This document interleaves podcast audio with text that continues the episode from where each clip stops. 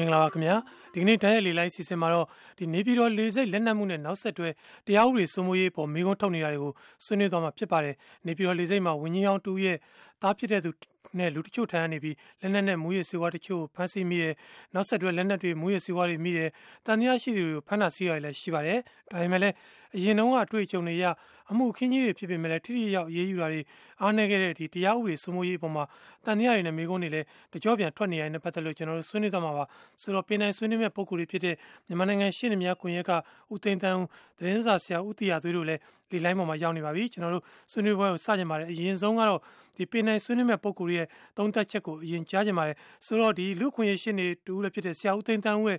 ရောသဘောထားအချင်းချုပ်ကိုအရင်ပြောစေချင်ပါတယ်ဒီနေပြည်တော်လေဆိပ်အမှုနဲ့ပတ်သက်လို့ဒီကင်တွယ်ဆောင်ရွက်ရမှာလက်တလောတွေ့ရမြင်ရသိရသလောက်ဟိုကျင်းတဲ့လောက်ဆရာလို့ပြောနိုင်သလားဆရာဟုတ်ကဲ့ဗျာအခုနေပြည်တော်လေဆိပ်ကိစ္စကတော့ကျင်းတဲ့လောက်ဆရာကောင်းတယ်လို့ပြောရမှာပါပဲ ဟိုလှုပ်ရှားဆောင်ရွက်တဲ့တီတီတီမိမိပေါ့ဗျာနောက်ဝင်းဆက်တွေရောဆွဲထားတဲ့တက်ထားတဲ့ပုံမှန်တွေကလည်းအများကြီးပေါ့နော်ဟိုကျွန်တော်စိတ်ထဲမှာဟိုသိပြီးတော့ဟိုပြီးတော့ဟိုထိရောက်နေသလားလို့တော့မှဟိုကျွန်တော်စဉ်းစားရတဲ့အချက်မျိုးဒီတော့ဖြစ်လာပါတယ်အခုကတော့အချိန်နဲ့တပြေးညီတို့တိုက်ဟိုဆက်သွယ်ဆောင်နေတာတွေ့ရတယ်ဟိုမိတဲ့ပြဿနာတော့တစ်ပိုင်းပေါ့ဗျာဘာဖြစ်လို့ဒီလိုဖြစ်ရလဲဆိုတာအပိုင်းကတော့တစ်ခုပေါ့နော်ဟုတ်ကဲ့ဆရာ ကျေးဇူးတင်ပါတယ်ဆရာဦးတီယာသွေးရဲ့သဘောထားခင်ဗျအခုလက်တလောဟိုလက်လန်းမီတလောက်ကြည့်မယ်ဆိုလို့ရှိရင်ဒီမှုမှာကိုင်နာတွေ့တာဆောင်းရတာနဲ့ပတ်သက်လို့ဟိုကျင်းနှက်မှုမကျင်းနှက်ကျင်းနှက်ဆရာမကျင်းနှက်ဆရာဘာတွေများရှိမလဲဆရာ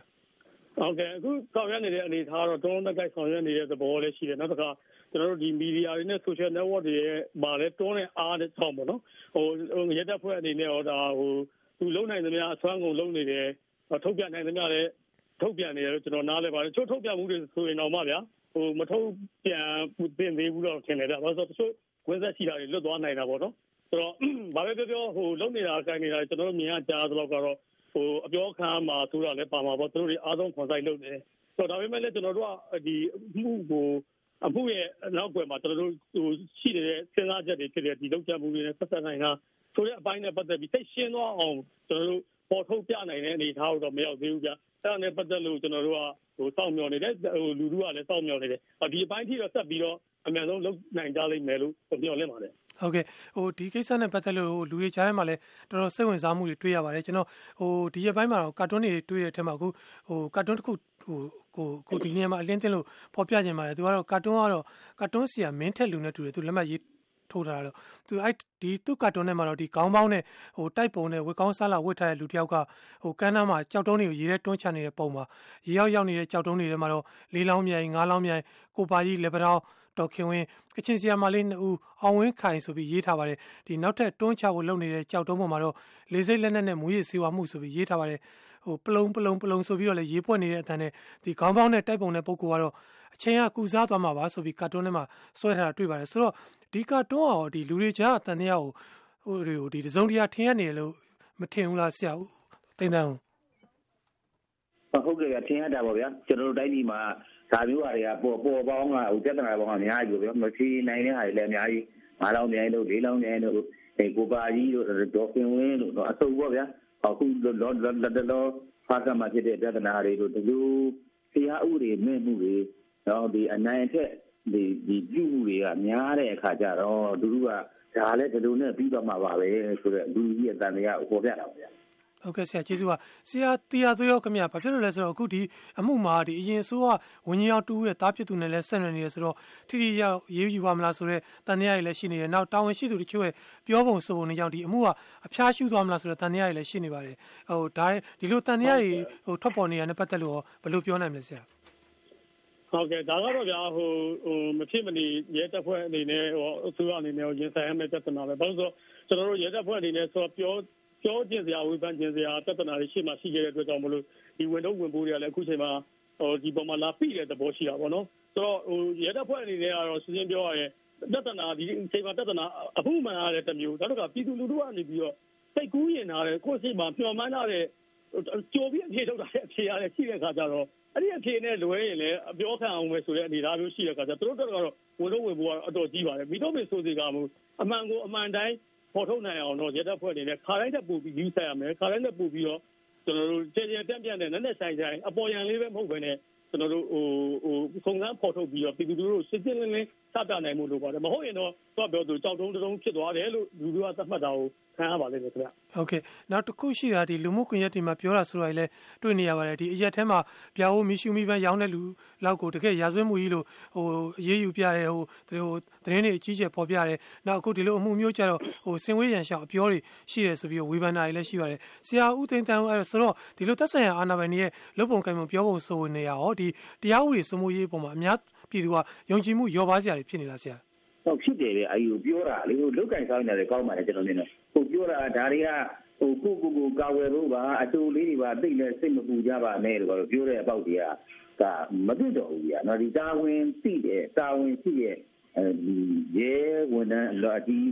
ခက်ကြီးကြီးပေါ့ဗျာအဲ့လိုအနေထားမျိုးနဲ့ပြောရမယ်နဲ့သိမတူဘူးဆိုတော့အဲ့ဒါမျိုးတွေတော့မကောင်းဘူးကြာ ဟုတ်ကဲ့ကျေးဇူးပါဆရာဥတီရသူစောစောတော့ဆရာပြောသွားတာတော့ဟိုကျွန်တော်သဘောပေါက်ပါတယ်ဝေဖန်တဲ့လူကတော့ဘာလို့လို့ဝေဖန်နေတဲ့လူကတော့ကြံဖန်ဝေဖန်မှာပဲဒါပေမဲ့တခုရှိတာဒီမှာတာဝန်ရှိတဲ့လူတွေရောပြောတာဆိုတာတွေကဟိုနီးမှန်လမ်းမှန်ဖြစ်ရလားဆရာတရားသူဆိုတော့ဗျာဟိုအမှန်တော့ဒီရက်တက်ဖွဲ့ဝင်နေအနေနဲ့ကခါတိုင်းတက်ပို့ပြီးတော့ကျွန်တော်တို့မီဒီယာတွေလည်းခြေပြန့်လာတယ်ခါတိုင်းတက်ပို့ပြီးတော့ကျွန်တော်တို့ဟိုဟိုဒီကျွန်တော်တို့လူထုနဲ့မီဒီယာနဲ့လက်ရှိ အစိုးရအဖွဲ့အစည်းတွေတက်ဆိုင်ရာကျွန်တော်တို့ဒီ bureaucratic mechanism မှာရှိတဲ့အဖွဲ့အစည်းတွေနဲ့တက်ဆိုင်ရေးတွေကျွန်တော်တို့ထုတ်ပြန်မှုတွေနီးစပ်လာတယ်ဗျဆိုတော့အဲ့ဒီလိုအဖွဲ့အစည်းကလူတွေကလည်းကိုယ့်အကူ Facebook လိုဟာလို့တင်တာမျိုးအစားပေါ့နော်ကျွန်တော်တို့ဒီလိုမျိုးကျေပြန့်လာတဲ့လူတောင်းတော့ကြမှာနီးကပ်မှုရှိလာတဲ့ဒီလိုသဘောတဘာဝရှိတဲ့နေမှာတို့အနေနဲ့အပြောဆိုအင်ပဒံမှာဆင်ကျင်မှုနဲ့ချင်းစင်စားစားတုံ့ပြန်ပြောဆိုဖို့အင်ပဒံလိုပါတယ်ဘာဖြစ်လို့လဲဆိုတော့ဒီချိန်မှာကဟိုတခုပြောလိုက်တာနဲ့အရန်ပြန့်နှံ့လွယ်ပြီးတော့ကျွန်တော်တနိုင်ငံလုံးကိုပြန့်နှံ့လွယ်တဲ့အပြင်ကိုကျွန်တော်တို့ public response ပေါ့နော်လူတွေရဲ့ တုံ့ပြန်မှုကလည်းချက်ချင်းတုံ့ပြန်လာနိုင်တဲ့အနေအထားပြအရန်ကိုဟို communication အရန်ရှင်းမြောင်းတော့ကြောင်းကြောင်းအရန်ကတ်နေတာပေါ့နော်ဆိုတော့ဒီလိုအခြေအနေမျိုးမှာဒီအာဏာပိုင်တွေအနေနဲ့ဒီနဲ့ပို့ပြီးတော့လေးလေးနက်နက်စင်းစင်းစားစားနဲ့တုံ့ပြန်တင်ပါလေဗျဟိုတချို့ကိစ္စတွေကြောက်လဲကျွန်တော်တို့နားလဲပါတယ်ဟိုရဲလုံထုံးလုံလီယာဟိုလွှေတီးလွှဲပြီးပြောတဲ့သဘောတွေရှိတယ်ဖော့ပြောတဲ့သဘောတွေရှိတယ်ပေါ့နော်ဆိုတော့ဒါတစ်ဖက်မှာရှိတဲ့ဒီဒီကျွန်တော်တို့ပေါ်အောင်နေတဲ့လူပဲဖြစ်ဖြစ်ခွဲဆက်ပုဂ္ဂိုလ်ပဲဖြစ်ဖြစ်ဒီလူက လွတ်မြောက်သွားတာမျိုးအဲ့လိုမျိုးပေါ့နော်အဲ့လိုမျိုးကိုစိတ်ပူပြီးတော့သူတို့တွေနဲ့ဒီလိုမျိုး technique နဲ့ပြောတာတွေလည်းရှိတယ်ဗျဒါပေမဲ့မိတော့မင်းဆိုစကားမျိုးမိမိပြောတဲ့အားကအခုလိုခစ်မျိုးမှာတော့ကျွန်တော်တို့ဒီလိုတုံ့ပြန်မှုတွေလူလူရဲ့ဝေဖန်မှုတွေလူလူရဲ့ထောက်ပြမှုတွေလာနိုင်တယ်အခုကပိုဆိုးတာတော့နိုင်ငံရေးရလည်းဟိုကျွန်တော်တို့ကနည်းနည်းအစိတ်သေးလေးတွေဟိုဟိုကျင်းကျင်းစစ်စစ်ပေါ့နော်နိုင်ငံရေးကကျွန်တော်တို့ဘယ်လိုခေါ်မလဲဟို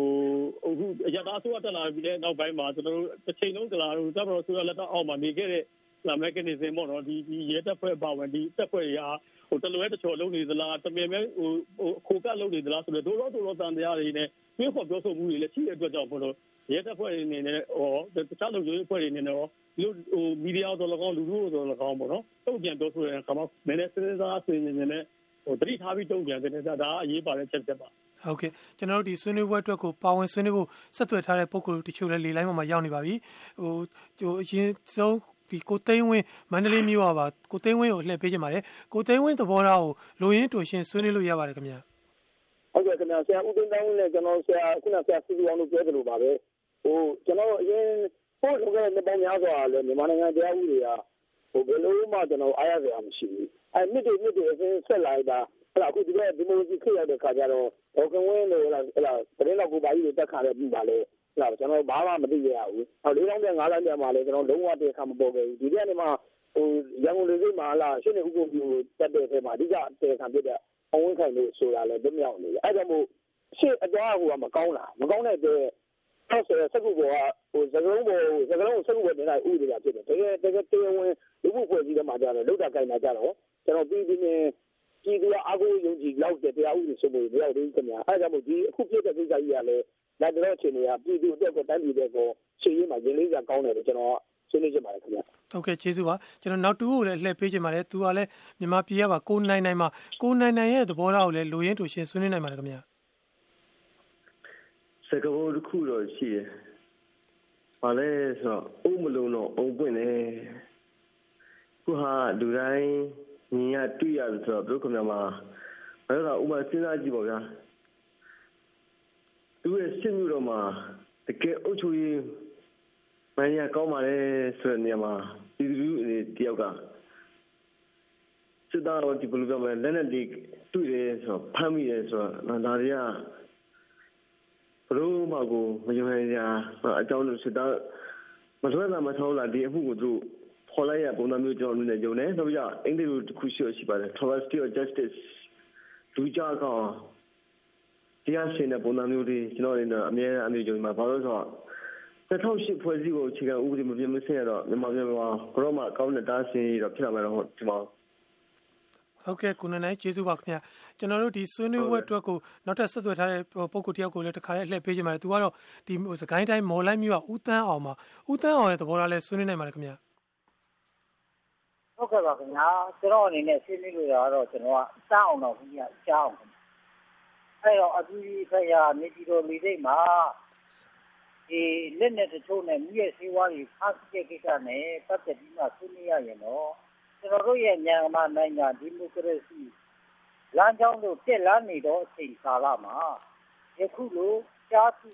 သိရှိရတာဒီနိုင်ငံတော်ရဲ့ရှေ့အလားအလာတွေဟာအမတန်မှအရေးကြီးတယ်လို့ထင်မြင်ပါတယ် ဆိုတော့ကျွန်တော်တို့ဒီ email တွေနဲ့ပေးဖို့ဆွေးနွေးထားတဲ့ပုံကိုတချို့လည်းရှိပါတယ်ဒီထက်ကကျွန်တော်တို့ American ပြည်ထောင်စုကမောင်တသနာရဲ့ email ကိုလည်းပဲဟိုပေါ်ပြချင်ပါတယ်ကိုရန်နိုင်ဖတ်ပြပေးပါဦးခင်ဗျာကျွန်တော်တို့နိုင်ငံမှာဘလို့အစိုးရမျိုးပဲတက်တက်ကာကွယ်ရေးနဲ့ပြည်ထရေးဟာအစိုးရအုပ်ချုပ်မှုအောက်မှာမရှိသမျှကာလပတ်လုံးဥပဒေနဲ့မညီတဲ့အမှုခင်းတွေအားလုံးကိုအရေးယူဖို့ခန့်နိုင်သလိုတရားဥပဒေစိုးမိုးရေးဟာလည်းပြည်သူတွေမျှော်လင့်နေသလောက်တည်ငြိမ်နိုင်မှာမဟုတ်ဘူးလို့ယူဆမိပါတယ်။အကြောင်းကတော့ရဲချုပ်တွေအားလုံးဟာကာချုပ်ကတိုက်ရိုက်ခံထားတဲ့စစ်တပ်ကလာကြသူတွေသာဖြစ်ပါတယ်။ ပြီးတော့ နိုင်ငံရဲ့ ကြီးမားတဲ့ စီးပွားရေးလုပ်ငန်း အများစုဟာလည်း စစ်ကောင်းဆောင်တွေ သူတို့ရဲ့ သားသမီး အမျိုးအဆွေတွေနဲ့ယင်းဒီကျွမ်းဝင်သူတွေ လက်ထဲမှာပါ။ဒီတော့ ပြည်ထဲရေးက တရားဥပဒေစိုးမိုးရေးကို ဦးစားပေးမှာလားဗျာ သူတို့ရဲ့ အကျိုးစီးပွားကိုနှောက်ယှက်ပေးမဲ့သူတွေရဲ့ အန္တရာယ်ကို ကာကွယ်မှာလားဆိုတာ ရှင်းနေပါတယ်ဥမာ လက်ဗရောင်းတောင်ကျင်းနီစီမံကိန်းနဲ့ ဖားကန်ကြောက်စိန်တွင်ကိစ္စတွေဟာ သူတို့ရဲ့ အကျိုးစီးပွားတွေနဲ့ တိုက်ရိုက်ပတ်သက်နေတဲ့အတွက် စစ်တပ်ရော ရဲပါ အင်အားအလုံးရင်းနဲ့ ဖြည့်ရှင်းကြပေမဲ့သူတို့ရဲ့ အကျိုးစီးပွားနဲ့ တိုက်ရိုက်မပတ်သက်တဲ့ မူရစ်နဲ့ လက်နက်ကိစ္စတွေကအစ ခိုးဆိုးလူရဲ့မဒိန်းတွေအစုံထိထိရောက်ရောက် ဖော်ထုတ်ဖမ်းဆီးတာမျိုးတွေ အလွန်နှဲပါလာပါတယ် အထူးသဖြင့် ပြည်ထဲရေးရဲ့ သဘောထားတွေကို ဘယ်နေရာမှာ အထင်ရှားတွေ့ရသလဲဆိုရင် ဥပဒေပညာရှင် ဦးကိုနီလောက်ကြံခံရမှု အခုလက်နက်တွေ အကြီးကျယ်မိတဲ့ကိစ္စတွေမှာ သတင်းနောက်တွေရဲ့ အမေးတွေကို ဖြေတဲ့ကိစ္စတွေက ထင်ရှားနေပါတယ်။ဒါကြောင့် နိုင်ငံတော်ဝန်ဖြစ်ပျက်နေတဲ့မူကင်းပေါင်းစုံနဲ့ အစိုးရအဖွဲ့တစ်ခုလုံးကိုချင်းချောက်နေတဲ့ လက်နက်ကိစ္စတွေကို ထိထိရောက်ရောက်အေးအေးယူနိုင်ဖို့ကတော့ ပြည်ထရေးကို အစိုးရအုပ်ချုပ်မှုအောက်မှာထားပြီးရည်ချင်းပြေးွားတဲ့ ရဲရရှိတွေကို သူတို့နဲ့ ထိုက်တန်တဲ့ယာဒူးနေရာတွေမှာ ခန့်အပ် တာဝန်ပေးအပ်တင်ကြောင်း တင်ပြလိုက်ရပါတယ်ဗျာဒါကတော့ American ပြည်ထောင်စုက မောင်တသနာပါခင်ဗျာသူ့ရဲ့စာထဲမှာတော့ဒီတရားဥပဒေစိုးမိုးရေးနဲ့ ပတ်သက်လို့ ဥပဒေကို ထိန်းသိမ်းဆောက်ရှောက်ရတဲ့ဒီအာဏာပိုင်တွေနဲ့ ပတ်သက်ပြီး ထောက်ပြတာ တွေ့ပါတယ်ဒီလက်ရှိ အခြေအနေမှာကဒီတက်ရညွှန်ကြားမှုအောက်မှာ ရှိနေတဲ့အတွက် အစိုးရကဒီအရေးယူခြင်းတော့ခက်နေတဲ့ သဘောမျိုး သူပြောတာပါတယ် ဆိုတော့ ဆရာ ဦးသိန်းတန်းကိုတရားဥပဒေစိုးမိုးရေးမှာဒီအုပ်ချုပ်မှုစနစ်ကဘလောက်ထိအောင်များအဟံတာဖြစ်နေလဲဆရာဟောဖြစ်တယ်ဗျာဟိုဒါအခုကျွန်တော်တို့ဒီကြုံတွေ့နေရတဲ့ပြဿနာတွေမှာဟိုအချိန်နဲ့တည်းရေးယူတဲ့ကိစ္စတွေရေးယူနိုင်ဘူးဗျာဥပမာဟိုကျွေးတော်ရောက်မှာတက်ပြီးတော့မဟုတ်ရောင်းတဲ့ဒီဘာသာကြားကိုနန်တိုင်းထက်ကြည့်တဲ့ကိစ္စမျိုးတွေအာနောက်တစ်ခါအမုန်းတရားတွေတုံ့ဆော်တဲ့ကိစ္စတွေဒါတွေဆိုလို့ချင်းလက်ပိုက်ကြည့်လို့ဖြစ်ပြီးရအဲတို့ရတယ်ကျွန်တော်ထင်နေတယ်အဲ့ဒါတွေကလည်းခုနဆရာမောင်တသနာပြောသလိုပါပဲ2010ပေါ်စီကို ညာဒီရေးဝင်ကြီးဌာနနဲ့တိုင်းရဲ့ပတ်သက်နေတာဒီမြန်မာနိုင်ငံရဲတပ်ဖွဲ့အဲ့ဒီခါကျတော့သူတို့သဘောထားပေါ်တီးနေလို့ဖြစ်တယ်အဲ့တော့ကျွန်တော်တို့ကကြည့်ရင်တိုင်းပြည်ရဲ့အခြေအနေကရာဇဝတ်မှုတွေကလည်းဒီတစ်ခုံတို့များများလာတာဗျာမိစီမှာလည်းအကျေတုံးကျွန်တော်တို့သိမကြသေးရင်လည်းဒီဒီကျွန်တော်စစ်ကားတွေနဲ့မောင်းနေသိနေစီတဲ့ဆေးပြားတွေပြီးရဲဆိုတော့သတင်းတွေကျွန်တော်တို့တွေ့ရတယ်နေရာအနှံ့ပြားမှာဒါမျိုးတွေကဖြစ်နေတော့ကျွန်တော်တို့ပြောနိုင်တာကဖြစ်ရင်တိုင်းပြည်မှာဒီတရားဥပဒေစိုးမိုးမှုကိုထိမ့်သိမ်းဆောက်ရှောက်တဲ့အဖွဲ့အစည်းကဖြစ်ဒီ အင်အားဟိုပြီးမပြည့်စုံလေသလားသို့မဟုတ်အရင်ချင်းမပြည့်ပြီလေသလားတော့မသိဘူးဆိုရင်ဘွေဟာအခြေအနေတရအနေထားမျိုးရှိနေတယ်လို့ပဲကျွန်တော်ပြောချင်တယ်ဟုတ်ကဲ့ဆရာဦးတီယာသွေးရဲ့သဘောထားခင်ဗျကျွန်တော်တို့ဒီတရားဥပဒေစိုးမိုးရေးတွေဒီအုပ်ချုပ်မှုစနစ်ကဘယ်လောက်တိုင်းတာထိအဟံတားဖြစ်နေလဲကျွန်တော်တို့တိုင်းပြည်မှာအဓိကတော့ကျွန်တော်တို့ဒီအုပ်ချုပ်ရေးနဲ့ပတ်သက်မိကုံထုတ်ကြတယ်အများကြီးရှိတယ်ကဆိုအဓိကအခုကျွန်တော်တို့ပြောနေကြတာကဒီဒီရဲတပ်ဖွဲ့ပေါ့နော်ရဲတပ်ဖွဲ့ကကျွန်တော်တို့ပြည်သူလူထုနဲ့အနည်းဆက်ဆုံးဟလားအဲ ကျွန်တော်တို့ဒီဒီ ground ပေါ်အထိကိုကျွန်တော်တို့အာဏာတက်ရောက်တဲ့လုပ်ပိုင်ခွင့်ရှိတယ်ဟလာအတရားဥပဒေစိုးမိုးရေးဆိုလည်းသူတို့လက်ထဲမှာရှိတဲ့အဖွဲ့အစည်းပါဗျာဆိုတော့သူတို့နဲ့ပတ်သက်ရင်လည်းဆိုတော့ဟိုဟိုဆရာပြောသလိုအမေရိကန်ကအမေရိကန်ကဆရာပြောသလိုလားအခြေခံဥပဒေကိုလည်းအမှလည်းတာဝန်အများကြီးရှိတာပေါ့နော်အခြေခံဥပဒေကြောင့်လည်းပါတာပေါ့သို့တော့ကျွန်တော်ပြောချင်တာကလက်တွေ့အခြေခံဥပဒေကိုမပြင်နိုင်ခင်စက်ကြားမှာတော့မှကျွန်တော်တို့မိကုန်းထုတ်စရာတွေနဲ့လုံနိုင်စရာတွေအများကြီးရှိတယ်ကျွန်တော်ဆိုသတိထားမိတာဆိုလွန်ခဲ့တဲ့၄-၅နှစ်တုန်းကကျွန်တော်တို့လူထုကို အခြေခံတဲ့ရဲလုပ်ငန်းဆိုတာကျွန်တော်တို့ကြားဘူးလိုက်တယ်အဲ့ဒီအပြင်ကိုကျွန်တော်နေထိုင်တဲ့ရက်ွက်ထဲမှာလည်းတစ်လတစ်ကြိမ်နှစ်လတစ်ကြိမ်လောက်ကိုမြို့နယ်ရဲတပ်ဖွဲ့ကနေပြီးတော့ရဲတပ်ဖွဲ့မှုကြောက်လာရောက်လေပတ်ပြီးတော့ကျွန်တော်မြို့နယ်အတွင်းမှာဖြစ်ပြနေတဲ့အနေအထားတွေလွတ်မြောက်နေတဲ့အလားဟိုတရားခံကြီးတွေဟုတ်ကျွန်တော်မြို့နယ်ထဲမှာဖြစ်ပြနေတဲ့ရာဇဝတ်ကျူးရာဇဝတ်မှုကျူးလွန်မှုကျူးလွန်နေအကျူးလွန်တဲ့ပုံကိုယ်တွေအနေအထားတွေကိုကျွန်တော်ရက်ကွက်လိုက်လိုက်ပြီးလူလူကိုလိုက်ပြီးရှင်းပြတယ်ဒီလိုမျိုးဖြစ်ခဲ့ရတယ်အခုအဲ့လိုမျိုးတွေမရှိတော့ဘူးဆိုတော့ ကျွန်တော်ကျွန်တော်လည်းမေးနေတယ်တော့ကောင်းတဲ့လုပ်ငန်းတွေဘာဖြစ်လို့အခုဆက်မလုပ်တော့တာလဲဆိုတော့ဒီလိုမျိုးကျွန်တော်တို့ဒီဒီဝင်ကြီးဌာနမှာရှိတဲ့ဒီတော့ဒီပြည်ထောင်ဝင်ကြီးကိုတက်မတော်နေပြီးတော့တိုက်ရိုက်ခန့်နေတဲ့ကိစ္စကကျွန်တော်အခြေခံဥပဒေပြင်မှရမှာမှန်တော်လည်းပဲကျွန်တော်တို့တခြားလက်ရှိလုပ်လို့ရတဲ့ဟလာပြည်သူလူထုကြားမှာလုံနိုင်တဲ့တရားဥပဒေစိုးမိုးလုပ်ငန်းတွေအများကြီးရှိတယ်ဆိုတော့ကျွန်တော်တို့လူထုကလည်းဒီတရားဥပဒေစိုးမိုးရေးမှာရဲတပ်ဖွဲ့နဲ့မိမိကက်ကက်ကျွန်တော်တို့ပါဝင်ပတ်သက်ဖို့လိုတယ် ကျွန်တော်ရဲတပ်ဖွဲ့ကိုကျွန်တော်လူထုကနေပြီးတော့အခုလိုမျိုးအပြစ်တင်တာတစ်ခုတည်းတဲ့ပုံစံနဲ့ပူပေါင်းဆောင်ရွက်ပြီးတော့ဖိအားပေးဖို့တွေလိုတယ်ချိုးကိစ္စတွေတိုက်ရိုက်မေကုန်းထောင်းနိုင်ဖို့လိုတယ်ဆိုတော့ကျွန်တော်တို့ဒီအစိုးရအသစ်အနေနဲ့လည်းကျွန်တော်တို့ဒီလိုမျိုးလမ်းကြောင်းတွေကိုကျွန်တော်တို့ကူညီပြီးဖွင့်ပေးရမယ်အဲ့တော့လူထုကိုအခြေခံတဲ့ရဲလုပ်ငန်းတွေပြန်လည်ပေါ်ပေါက်လာမယ်ဒါမှကျွန်တော်တို့ကတော့ပြောလို့ကြောသားရင်သားမခွဲကြပဲနဲ့ကျွန်တော်တို့ဆောင်ရွက်မှုတွေရဲတပ်ဖွဲ့လုပ်ငန်းစဉ်တွေကဘယ်လောက်ထိဗလိုက်မှုရှိလဲဗတ်လိုက်မှုရှိလဲဟလာဘယ်လောက်နိုင်ငံရေးစုဖတ်နေသလဲဘယ်လောက်ကျွန်တော်စီးပွားရေးရဟလာ ဟိုကျွန်တော်တို့မတမာမှုတွေဟလာဟိုကျွန်တော်တို့ဒီဒီဒီဒီခြားသားမှုတွေဟလာရှိနေတယ်လဲဆိုတော့ကျွန်တော်တို့မိမိကက်ကဟလာကျွန်တော်တို့လုံနိုင်ကြိုင်နိုင်နေအပြန်အလှန်ထိန်းချောင်းနေတယ်ဆိုကျွန်တော်တို့ကအញ្ញမ်းကောင်းလာမယ်အုပ်ချုပ်ရေးလည်းကောင်းလာမှာဖြစ်တယ်လို့ပြည်သူလူထုရဲ့စိတ်ထဲမှာလုံခြုံမှုခံစားလာမယ်ဆိုတော့အရင်လိုကျွန်တော်တို့စလုံးကတော့စလိုက်တယ်စလိုက်ကြတယ်ဘာဖြစ်လို့ရက်သွားလဲကျွန်တော်ပြည်ပြားမေးခွန်းထုတ်ရမယ်တတိအစိုးရအစ်စ်နေတယ်ဒါကိုပြန်ပြီးတော့ကျွန်တော်ပေါ်ထုတ်ရမယ်ပြီးခဲ့တဲ့ကာလတွေတုန်းကရက်တပ်ဖွဲ့ကပြုပြင်တောင်းလဲရေးအတွက်ကိုအချိန်ကုန်တစ်ခုနဲ့လုပ်ခဲ့ပြီးတော့မှအခုသိမတွေ့တော့ဘူး ဆိုတော့ဒါဘာဖြစ်သွားရလဲဆိုတာမေးခွန်းထုတ်ရမယ်အဲ့တော့ကျွန်တော်တို့ကအခြေခံဥပဒေပြင်ဖို့လည်းတစ်ဖက်ကရည်ရွယ်ချက်ထားပြီးတစ်ဖက်ကရည်ရွယ်ချက်အတိုင်းမလုပ်နိုင်သေးတဲ့ဆက်ကြမှာလည်းပြည်သူလူထုရဲ့စိတ်လုံခြုံမှုတိုင်းပြည်ရဲ့လုံခြုံမှုခံစားနိုင်အောင်ရဲတပ်ဖွဲ့မှာဘာတွေပြုပြင်ပြောင်းလဲဖို့လိုလဲဆိုတော့အပြန်ဆုံးစဉ်းစားသုံးသပ်ပြီးတော့ကျွန်တော်တို့လူထုပါဝင်တဲ့လူထုကိုအခြေခံတဲ့ဒါလူထုကို operation ပါတဲ့ရဲလုပ်ငန်းတွေပြန်လဲအသက်သွင်းဖို့လိုပြီလို့ကျွန်တော်ပြောချင်ပါတယ်ဟုတ်ကဲ့ကျေးဇူးပါကျွန်တော်တို့ဒီဆွေးနွေးပွဲအတွက်ကိုဆက်သွယ်ထားတဲ့နောက် ပုဂ္ဂိုလ်တူကိုလည်းလှည့်ပေးကြပါတယ်သူကတော့ American ပြည်ထောင်စုကဦးလာမောင်မှာဦးလာမောင်ရဲ့သဘောထားလဲဆွေးနွေးနိုင်ပါတယ်ခင်ဗျာအော်ကျေးဇူးပါဗျာကျွန်တော်သဘောထားကတော့ဟိုအများနဲ့မတူပါဘူးအခုဟို BOA ကတင်လာတဲ့ခေါင်းစဉ်နဲ့လည်းမတူပါဘူးမိကုန်းထုတ်ရမယ်ဆိုတော့ခေါင်းစဉ်နဲ့လည်းမတူပါဘူးဘာဖြစ်လို့လဲဆိုတော့ဒီဥစ္စာကျွန်တော်တို့ဖမ်းပေးတဲ့ရက်တပ်ဖွဲ့ဖမ်းပေးလို့တာကျွန်တော်တို့ဒီကိစ္စကိုသိတာဗျအဲ့တော့ဖမ်းပေးတဲ့ရက်တပ်ဖွဲ့ကိုကျွန်တော်အထူးကျေးဇူးတင်တယ်ဂုဏ်ပြုတင်တယ်လို့ကျွန်တော်ပထမဆုံးပြောချင်ပါတယ်ဘာဖြစ်လို့လဲဆိုတော့ ပြီးခဲ့တဲ့ရက်ကဗတ္တမတော်ဒေါအောင်ဆန်းစုလုံခြုံရေးတို့ရဲ့ဘယူဆိုင်ပါလို့ပြောတယ်ဥပအောင်ကိုကဒေါအောင်ဆန်းစုလုံခြုံရေးတွေစိတ်ကူတယ်လို့ပြောတယ်တစ်ဖက်မှာလည်းသူတို့ဖမ်းမိထားတဲ့သူတို့ website တွေမှာဝင်ကြည့်တဲ့အခါမှာလည်းဒီမိုကရေစီအားလုံးကိုချင်းချောက်တာတွေအများကြီးတွေ့ရတယ်အဲဒါကြောင့်မို့ကိုနေဦးညံဝဲကလည်းအောက်ကွယ်မှာလက်မဟိရှိတယ်လို့ပြောတယ်အဲတော့ကျွန်တော်ကဒီဖမ်းဆီးပေးတဲ့နောက်မှာလည်းလက်ဖြူကြီးရှိနေတယ်အဲ့တော့လက်ဖြူလက်မဲတပနာဖြစ်နေပြီဒီဥစ္စာဒီ issue ကဘိုးရုံးကျော်မြေတို့ issue နဲ့လည်းမတူဘူးဆိုရင်နေဝင်လို့ဦးနေဝင်မြေတီတယ်လည်းမတူဘူး တတ်တင်းမှာပုံကံလာမဟုတ်ဘူးစန့်ကျင်ဘက်ဒီမိုကရေစီအင်အားစုကိုရည်ရွယ်တာဖြစ်တဲ့အတွက်ကြောင့်ကျွန်တော်တို့ကခုဖမ်းပြီးဖမ်းဆီးပေးတဲ့ရဲတပ်ဖွဲ့နဲ့အပေါင်းပါတွေအားလုံးကိုနောက်ကနေပြီးတော့အမိတ်ပေးတဲ့လက်ဖြူကြီးကိုကျွန်တော်တို့ကချီးကျူးဂုဏ်ပြုတဲ့နယ်အားပေးတဲ့နယ်လို့ကျွန်တော်ကမြင်ပါတယ်ဟုတ်ကဲ့ကိုလာမောင်ကျေးဇူးပါကျွန်တော်ဒီဆွေးနွေးပွဲအတွက်ကိုဒီ Facebook တွေကနေပြီးမှတ်ချက်တွေပေးထားတာတချို့လည်းရှိနေပါသေးတယ်ကျွန်တော်အစီအစဉ်ဆုံးသက်ခင်မှာဟိုရှားပေါင်ဖတ်ပြပေးပါဦးမြတ်ဟုတ်ကဲ့ပါ ကြောက်ပတောင်းကဥဝင်းတင်ဆိုတဲ့သောရရှင်ရေးထားတာကတော့ဒီကနေ့ပြဿနာတွေကိုကြော်လွှားဖို့အကောင်းဆုံးနည်းလမ်းကတမတော်ဒီအမိတမတော်ဒီအဖကနေဒီတဲ့ပြည်သူသားအမိပြည်သူသားအဖတမတော်ဒီပြည်သူကြားမှပေါက်ဖွားသည်ဆိုတဲ့ခစ်ကိုပြန်သွားကြဖို့ပါပဲဆိုပြီးရေးထားပါတယ်နောက်သောရရှင်ကိုစင်ဆိုသူကတော့မြန်မာနိုင်ငံမှာဥပဒေအထက်မှာဘယ်သူမှမရှိရဘူးတဲ့အခုမူရဆေးဝါးမိတယ်လက်နက်မိတယ်သူတို့ကလက်နက်ကင်ဖဲအဖွဲ့အစည်းကလည်းလေးစိတ်မှာလုံခြုံရေးရှိနေတာတီးတီးနဲ့ယူလာတာကလေးအတွေးနဲ့ပြောရရင် သူဘယ်နှခေါက်တည်ပြီးပြီလဲဆိုပြီးမိကွန်းထုတ်ထားပါတယ်နောက်မှထွေးဆိုတဲ့သောရရှင်ကတော့ထိထိရရောက်အရေးမယူနိုင်တာကစစ်အာဏာရှင်တို့ရဲ့ပါဝါအာဏာကကြီးစိုးနေသေးဆက်ရှိနေသေးလို့ပါတရားဥပဒေစိုးမိုးရေးရှိဖို့အတွက်ငြင်းငြင်းရေးလုပ်ငန်းစဉ်တစ်ခုထဲနဲ့မလုံလောက်ပါဆိုပြီးရေးသားထားပါတယ်ရှင်။ဟုတ်ကဲ့ကျေးဇူးပါကျွန်တော်တို့နောက်ထပ် email နဲ့ပို့ထားတာလည်းရှိနေပါသေးတယ်။သူကတော့ဒီရဲဟိုဥလာထုံးမှာသူကတော့ဒကုံမျိုးတက်ကဥလာထုံးမှာသူကတော့ email နဲ့ပေးပို့ထားတာပါ။ သူရေးထားတာတော့စဉ်းစားမိတာကတော့တဲ့တရိတ်ဆန်များဖားငါးကအစယထပရပိုင်နိုင်ငံတိုင်း၌အလိုက်မသိမင်းနယ်ချင်း၍ဆဲခွင့်ကြုံမှုမင်းတွင်စုသားတဲ့မြတ်စွာဘုရားဟောကြားခဲ့တဲ့ဝတ္ထုကိုမန်လဲဆရာတော်ကြီးက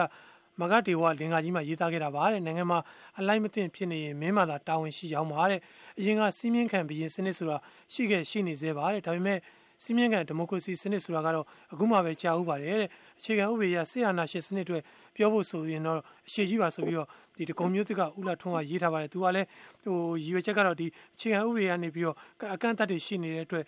ဟိုဒီအုပ်ချုပ်ရေးစနစ်မှာဟိုအဟံတားဖြစ်နေတဲ့ကိစ္စတွေသူရည်ရွယ်ပုံရပါတယ်နောက်တူကတော့ကိုလေး Facebook မှာသူကရေးထားတာပါသူကတော့ရဲနဲ့စစ်တပ်ကသူ့အလုပ်သူလုပ်တဲ့ရဲဥပဒေစာအုပ်ကိုင်းစစ်တပ်ကပြည်တွင်းပြည်ပရန်အကာအကွယ်ပေးဒီလိုကိုယ့်အလုပ်ကိုလုပ်ကြရင်ရှင်းပါတယ်တဲ့ အစိုးရကဥပဒေပြုအစိုးရလက်အောက်မှာအားလုံးရှင်းအဆင်ပြေမှာပါတဲ့နောက်တစ်ယောက်ကတော့ email နဲ့ပေးပို့ထားတာပါကြာဝင်းမောင်ဆိုတဲ့အကောင့်ပိုင်ရှင်မှာသူကတော့ဒီလိုပြဿနာတွေပြည်လဲစေခြင်းနဲ့ဆိုရင်ရှင်းပါတယ်ဗျာတဲ့ပြည်ရဲရေးကိုအမေစုလဲအောင်လွှဲပေးလိုက်ပါတဲ့အာမခံပါတယ်တဲ့ပြည်လဲမယ်ဆိုတာကျိုစကိုင်းတိုင်းမင်းကင်းမြို့နယ်တောင်တွင်းဒေသတောင်စည်းရွာကဥကြဝင်းမောင်ဆိုပြီးသူကရေးထားပါတယ်ဆိုတော့ဒီနေရာမှာကျွန်တော် ဆရာဦးသိန်းတန်းဦးသဘောထားကိုဟိုမေးချင်ပါတယ်ဒီအရသာအစိုးရလက်ထက်လွှဲပေးလိုက်ရင်အဆင်ပြေမယ်ဆိုတဲ့သဘောထားတွေလည်းကျွန်တော်တို့ကြားပါတယ်ဆိုတော့ဒါမှမဟုတ်ဒီစနစ်ကြောင်တက်တက်ဆိုတာရောတကယ်ပဲဟုတ်လားဘာဖြစ်လို့လဲဆိုတော့မူပြောင်းဝင်မဲ့လူတွေမပြောင်းအကျင့်တွေမပြောင်းဆိုတဲ့အတန်တွေလည်းကျွန်တော်တို့ကြားနေရတယ်ဆိုတော့ဒီလိုစနစ်ပြောင်းရုံနဲ့ရောတကယ်လိုက်ပြီးတော့ဟိုပြောင်းနေတဲ့အခြေအနေတွေရှိရလားဆရာဦးသိန်းတန်းဦးအခုလောလောဆယ်အခြေအနေကတော့မရှိဘူးပြဟိုလူကျွန်တော်နာမည်လာပြောင်းတာပေါ့နော် ဥပမာအပြင်ဒီဝင်းကြီးဌာနတွေမှာဝင်းကြီးတွေဒုတိယဝင်းကြီးတွေတော့ကျွန်တော်တို့လူလူကရွေးချယ်ထားတဲ့အစိုးရခန့်ထားတာနော်တန်တဲ့လူတွေကတော့ဒီပြည်စမန်တတာတွေဒလန်တွေဒီလက်ပါအာနာရှင်လက်ပါစီတွေပေါ့ဗျာဟိုဘင်းတွေတုန်းကရွှေပြီးဆောင်ရတော့တန်းထားတဲ့လူတွေအများကြီးရှိတော့အဲ့ဒါမျိုးတွေနေရတော့သိဥပဒေကြောင်းလိုက်လို့မရနိုင်ဘူးဟိုစနစ်ကစနစ်ကြီးတစ်ခုလုံးကလည်းမြင်ရမှာပါဒါကျွန်တော်တို့တကယ်ဒီစစ်မှန်တဲ့ဒီမိုကရေစီအစ်စ်ပေါ့ဗျာဟိုမတင်သနာတဲ့ဒီမိုကရေစီဟိုကြားသနာမှနွားထမ်းတာဒီမိုကရေစီမဟုတ်ဘဲနဲ့ ပြည့်ပြည့်ဝဝလူလူကိုတာဝန်ခံတဲ့လူလူကရွေးချယ်တဲ့အစိုးရတည်းရနော်ဒီအဲ့လိုအုပ်ချုပ်ရေးချမ်းတရားတည်းရအောက်မှာသာလည်းကျွန်တော်တို့ကတကယ်ရှင်းတန်ပြီးတော့ဟိုထိရောက်လုပ်ကိုင်နိုင်မှာဖြစ်တယ်ဗျအခုအနေထားကတော့ကျွန်တော်တို့အဟံတားတွေအများကြီးရှိနေတယ်ကျွန်တော်ထင်တယ် ဟုတ်ကဲ့ကျေးဇူးပါဆရာဦးတီယာသွေးသဘောထားခင်ဗျကျွန်တော်တို့အခုတော်တော်များထောက်ပြနေတာဒီအခြေခံဥပဒေအရဟိုကျွန်တော်တို့အတိုင်းပြည်ကိုမကြာခဏဆိုလို့ဟိုဝေဖန်ကြတဲ့လူတွေလည်းရှိပါတယ်ဒီဟိုဟိုတနိုင်ငံအုပ်ချုပ်မှုစနစ်ပုံနှစ်ခုလိုဖြစ်နေတယ်ပေါ့လေဒီအရသာဆိုးကလက်အောက်မှာဒီလုံခြုံရေးအာဏာပိုင်အဖွဲ့အစည်းတွေကမရှိတဲ့အတွက်ဟိုလောက်ရကန်ရတဲ့နေရာမှာဒီအစိုးရအနေနဲ့ခက်တယ်ဆိုတော့ဟိုရက်ဖက်အစိုးရလက်အောက်ကိုသာဒီလုံခြုံရေးတပ်ဖွဲ့တွေအဖွဲ့အစည်းတွေကိုလွှဲပေးလိုက်မယ်ဆိုလို့ရှိရင်ပြဿနာတွေကဒီလောက် ဟိုတက်လာကြမရှိဘူးပြည်လဲသွားလိမ့်မယ်ဆိုတော့အယူဆရလည်းရှိပါတယ်ဒါပေမဲ့လည်းတကယ်တမ်းဒီလိုဟိုဒီစနစ်ကိုပြောင်းလိုက်ရုံတက်တက်နဲ့ရောဟိုဟိုဖြစ်သွားပါမလားလူတွေစောစောဒီကျွန်တော်တို့ဒီအမေရိကန်သောတာရှင်တယောက်ဟိုဆိုလဲသူတန်နေရအောင်ပြောသွားပါတယ်နောက်ွယ်ကလက်ဖြူလက်မဲဆိုတဲ့ပြဿနာမျိုးတွေဆိုတော့ဒီလိုစနစ်ပြောင်းရုံနဲ့ရောပေါ့လေဒီလိုလူတွေကမပြောင်းမဲနဲ့ဆိုရင်ရောဟိုဖြစ်လာနိုင်မှာမလားအဲ့ တော့အရင်ကကျွန်တော်ပြောချင်တာလေပထမဟိုကျွန်တော်တို့လူတွေကတော်တော်များများအခုလိုသုံးသပ်နေကြတာအဲ့ဒါအချက်လက်အားဖြင့်မှားနေတယ်ဗျဆိုတော့ကျွန်တော်အဲ့ဒါတွေကနေစပြောပြစေဆိုတော့လက်ရှိပြဿနာကျွန်တော်တို့ဒီတက်မတော်ကဝယ်ဦးစီးချုပ်ကနေပြီးတော့ဟလာဒီပြည်ထောင်ရေးဝန်ကြီးကိုတိုက်ရိုက်ခန့်အပ်ဖို့ဒီမှာအခွင့်အလမ်းရှိတယ်နောက်ပြဿနာတစ်ခုကအဲ့ဒီလူကပြန်ရုပ်သိမ်းခွင့်အစားပြန်ထိုးခွင့်ရှိနေတဲ့အတွက်ကြောင့်မလို့ဒီလုပ်နေတဲ့လူကအချိန်မျိုးတက်ကိုပြန်ရောက်သွားမှဖြစ်တဲ့အတွက်သူသိလို့လက်လို့မလုပ်နိုင်တဲ့သဘောတစ်ခုကလွှဲရင် ကျန်တာကတော့သူကဝင်ကြီးဖြစ်သွားရင်တမရရဲ့အမိန့်အောက်မှာအလုပ်လုပ်ရပါတယ်တမရကိုအစီရင်ခံရပါတယ်တိုးတော့ပြဿနာကဘာရှိလဲဆိုတော့ဒီရဲတပ်ဖွဲ့ကောရဲတပ်ဖွဲ့မှာစောစောပြောတယ်ပါဝင်ဆောင်ရွက်နေတဲ့ပုံကိုယ်တွေအားလုံးရောဟိုတော်တော်များများနှစ်ပေါင်းများစွာနဲ့ကျွန်တော်တို့တပ်မတော်ကနေပြီးအသွင်ပြောင်းပြီးတော့တာဝန်ယူရလူဖြစ်နေတယ်တပ်ပုံစံကြနေတဲ့ခါကျတော့ကျွန်တော်တို့ဒီဒီနိုင်ငံရေးအရလည်းတစ်ချိန်လုံးကျွန်တော်တို့ဟလာဟိုတို့နေပုံထိုင်ပုံအရပေါ့နော်လက်ရှိအစိုးရအပေါ်မှာကျွန်တော်တို့အတိုက်ခံသဘောမျိုးပေါ့နော်တတိယအဖြစ်ဗျာတဲ့တဲ့ပြောကြပါစို့ရန်သူသဘောမျိုး ဟလာဟိုတစ်ချိန်လုံးဆက်ဆံခဲ့တဲ့လူအများစုဖြစ်နေတယ်အရာရှိတော်တော်များများပါဝင်ပတ်သက်တဲ့လူတော်တော်များများအစားပေါ့နော်ဆိုတော့ရတဲ့ဖွဲ့ကြီးတစ်ခုလုံးကဒီတစ်သက်လုံးတို့ကရန်သူလိုဟလာဟိုတိုင်းပြည်ဒုက္ခပေးမဲ့လူတွေလိုစောင့်ကြည့်ခဲ့တဲ့လူတွေကအစိုးရဖြစ်သွားပြီးသူတို့အပေါ်ရောက်သွားတဲ့အချိန်မှာရုံးကန်မှုတွေပုတ်တိုက်မှုတွေကျွန်တော်တို့စန့်ကျင်မှုတွေဟလာဟိုအများကြီးရှိနိုင်တယ်ဒါတွေကတကယ်ဆက်ရှိခဲ့တယ်တကယ်လည်းအခိုင်အမာအယိုးဆွဲပြီးကြံနေခဲ့သေးတယ်နိုင်ငံရေးအခုမှပြောင်းလာတာဖြစ်တယ်အဓိကပြဿနာကကျွန်တော်အဲ့ဒီမှာလို့မြင်တယ်ဆိုတော့အဲ့ဒီလိုအချိန်ဖြစ်နေတဲ့ခါကျတော့ဒါကြီးကအခိုင်အမာစောက်ထားတဲ့ကျွန်တော်တို့ဒီ ဒီရေးဌာနကြီးအခိုင်အမာစောက်ထားတဲ့အဆောက်အဦကြီးပြ။ဒါဆိုလူတွေအားလုံးကလည်းနှစ်ပေါင်းများစွာဒီမှာတာဝန်ထမ်းဆောင်ခဲ့ပြီးတော့ဒီလက်ရှိအစိုးရမှာအစိုးရဖြစ်တာဝန်ထမ်းဆောင်ဒေါအောင်ဆန်းစုကြည်အပါဝင်ပေါ့နော်နိုင်ငံရေးသမားတော်တော်များများတော့ထင်းလုံးစောင့်ကြည့်ပြီးတော့ကျွန်တော်တို့အရင်တော့အရေးဘလို့ယူရမယ်ဆိုပြီးလုပ်ခဲ့တဲ့ပုံကိုယ်တွေဖြစ်နေဆိုတော့ဒီလူတွေကိုကျွန်တော်တို့ဒီဒီတမရအပါဝင်ဒေါအောင်ဆန်းစုကြည်တို့ကဖွတ်ခဲ့တဲ့အခါမှာတော်တော်ဒုက္ခရောက်တယ်တော်တော်ဒုက္ခရောက်တဲ့ခါကျတော့ဒီကျွန်တော်တို့ဒီလုံခြုံရေးနဲ့ပတ်သက်တဲ့ ကျွန်တော်တို့စီမင်းစည်းကမ်းတွေလုံထုံးလုံနည်းတွေကလည်းရှိတယ်သူတို့ဖွဲ့စည်းပုံတွေကလည်းအချိန်မင်းသူတို့ကကြိုက်တယ်လို့ဟလာလုံထုံးလုံနည်းနဲ့ဒီကြောင်းနိုင်တဲ့ခါကျတော့ကျွန်တော်တို့နှစ်နှစ်လောက်ပဲရှိတယ်အရက်သားအစိုးရအနေနဲ့ကျွန်တော်တို့ဒီလောက်ကြီးမားကြီးကြီးမားမားကျွန်တော်တို့နှစ်ပေါင်းများနိုင်ငံရေးအရပါတောက်ထားခဲ့တဲ့ကျွန်တော်တို့ဒီရန်ရကြီးကို ပဲပဲနဲ့ကန်ကြီးပြုပြင်တောင်းလဲဖို့သူတို့မှာအခက်အခဲရှိတယ်တိုးတော်လည်းပဲမိတို့ပင်ဆိုစစ်သားဖို့ဆိုတော့ကျွန်တော်တို့အမေရိကပုဂ္ဂိုလ်ပြောသွားသူလက်ကျူတွေတော့ရှိနေတယ်တကယ်ပြောင်းလဲခြင်းတဲ့လူတွေရှိတယ်တကယ်စိတ်စေတနာနဲ့တိုင်းပြည်မျက်နှာတစ်ခုရဲ့ကိုကြည့်ပြီးလုပ်ချင်တဲ့လူတွေရှိတယ်ဆိုတော့အဲ့လိုလူမျိုးတွေကိုကျွန်တော်တို့အားပေးမယ်အဲ့လိုလူမျိုးတွေကိုကျွန်တော် welcome လုပ်ပြီးဟလာကြိုးဆိုပြီးတော့ကျွန်တော်တို့ပြင်တောင်းလဲရေးကိုလုပ်လုပ်ယူရမယ်ဟုတ်ကဲ့ဒါကကျွန်တော်တို့အောက်ခြေမှာလက်ရှိလုပ်လို့ရတဲ့အလုပ်ကျွန်တော်အခြေခံဥပဒေပြင်ပြီးတော့ကျွန်တော်တို့အရသားအောက်ကိုလုံးလုံးလျားလျား ဟလာဟိုထဲဖို့ဆိုတာဒါကတော့နောက်တစ် plan အဲ့ဒါအကြာအတိုင်းသေးတာပေါ့နော်ကျေးဇူးထူးတင်ပါတယ်ပြင်နိုင်ဆွေးနွေးပေးခဲ့ကြတဲ့သတင်းစာဆရာဦးတီဟာသွေးမြန်မာနိုင်ငံရှင်းနေမြောက်ခွင့်ရကဦးသိန်းတန်းကိုယ်တိုင်ပါဝင်ဆွေးနွေးတဲ့သူတွေ email တွေ Facebook တွေနဲ့မှတ်ချက်တွေရေးသားပေးပို့တဲ့သူတွေနဲ့တောက်တာရှင်တွေကိုအထူးပဲကျေးဇူးတင်ပါတယ်ခင်ဗျာ